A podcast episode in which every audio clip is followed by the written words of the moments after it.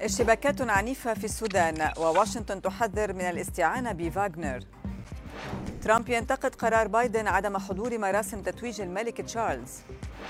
علماء يحققون إنجازا تاريخيا بالرؤية عبر عيون الفئران. أبرز أخبار العربية 24 على العربية بودكاست.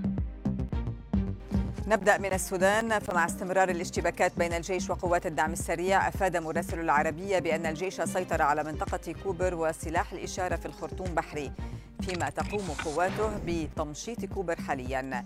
تقارير أكدت أن الجيش يحاول أيضا إخراج قوات الدعم السريع من المناطق المحيطة بالقصر الرئاسي ومقر قيادة الجيش مشيرة إلى أن الجانبين يسعيان على ما يبدو إلى السيطرة على مناطق في العاصمة قبل أي مفاوضات محتملة.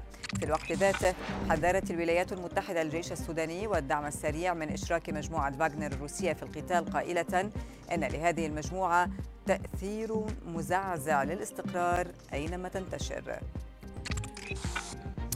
في خضم الاتهامات المتبادلة بين موسكو وكييف بعد استهداف الكرملين شهدت العاصمة الأوكرانية استنفارا أمنيا كبيرا. مع بل بعد سماع أصوات انفجارات كبيرة في المكان. وسائل إعلام أفادت بأن صفارات الإنذار دوت في العاصمة كييف في الساعات الأولى من الصباح لنحو أربع ساعات.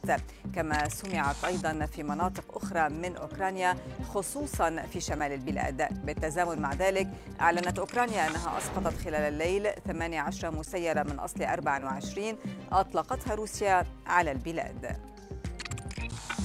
وجه الرئيس الأمريكي السابق دونالد ترامب انتقادات حادة للرئيس الحالي جو بايدن بعد قراره عدم حضور مراسم تتويج الملك تشارلز الثالث. ترامب قال في تصريحات لمحطة جي بي نيوز الإخبارية البريطانية إن عدم حضور بايدن يجب ألا يحصل واصفا قرار زعيم البيت الأبيض بأنه ينم عن عدم احترام.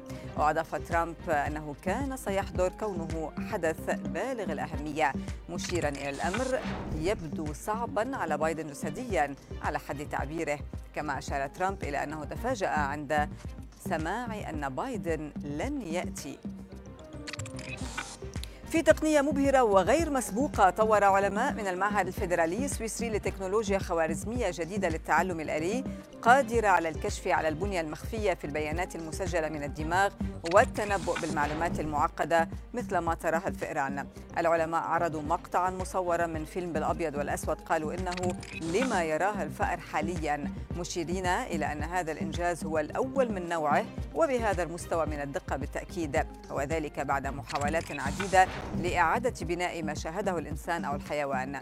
وأضاف العلماء أنهم يهدفون عبر هذا الإنجاز لإعادة الرؤية لفاقدي البصر.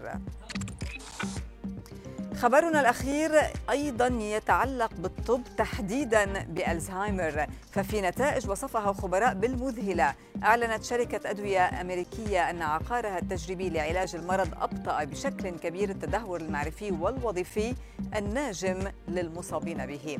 شركة إلي ليلي أوضحت أن عقارها دونا نيماب أبطأ وتيرة أعراض مرض ألزهايمر بنحو 35% مشيرة إلى أن المرضى الذين تناولوا الدواء كانوا قادرين على تنفيذ مهام يومية مثل القدرة على مناقشة الأحداث الجارية أو القيادة أو ممارسة الهوايات بشكل أكبر عن الذين لم يأخذوا العقار.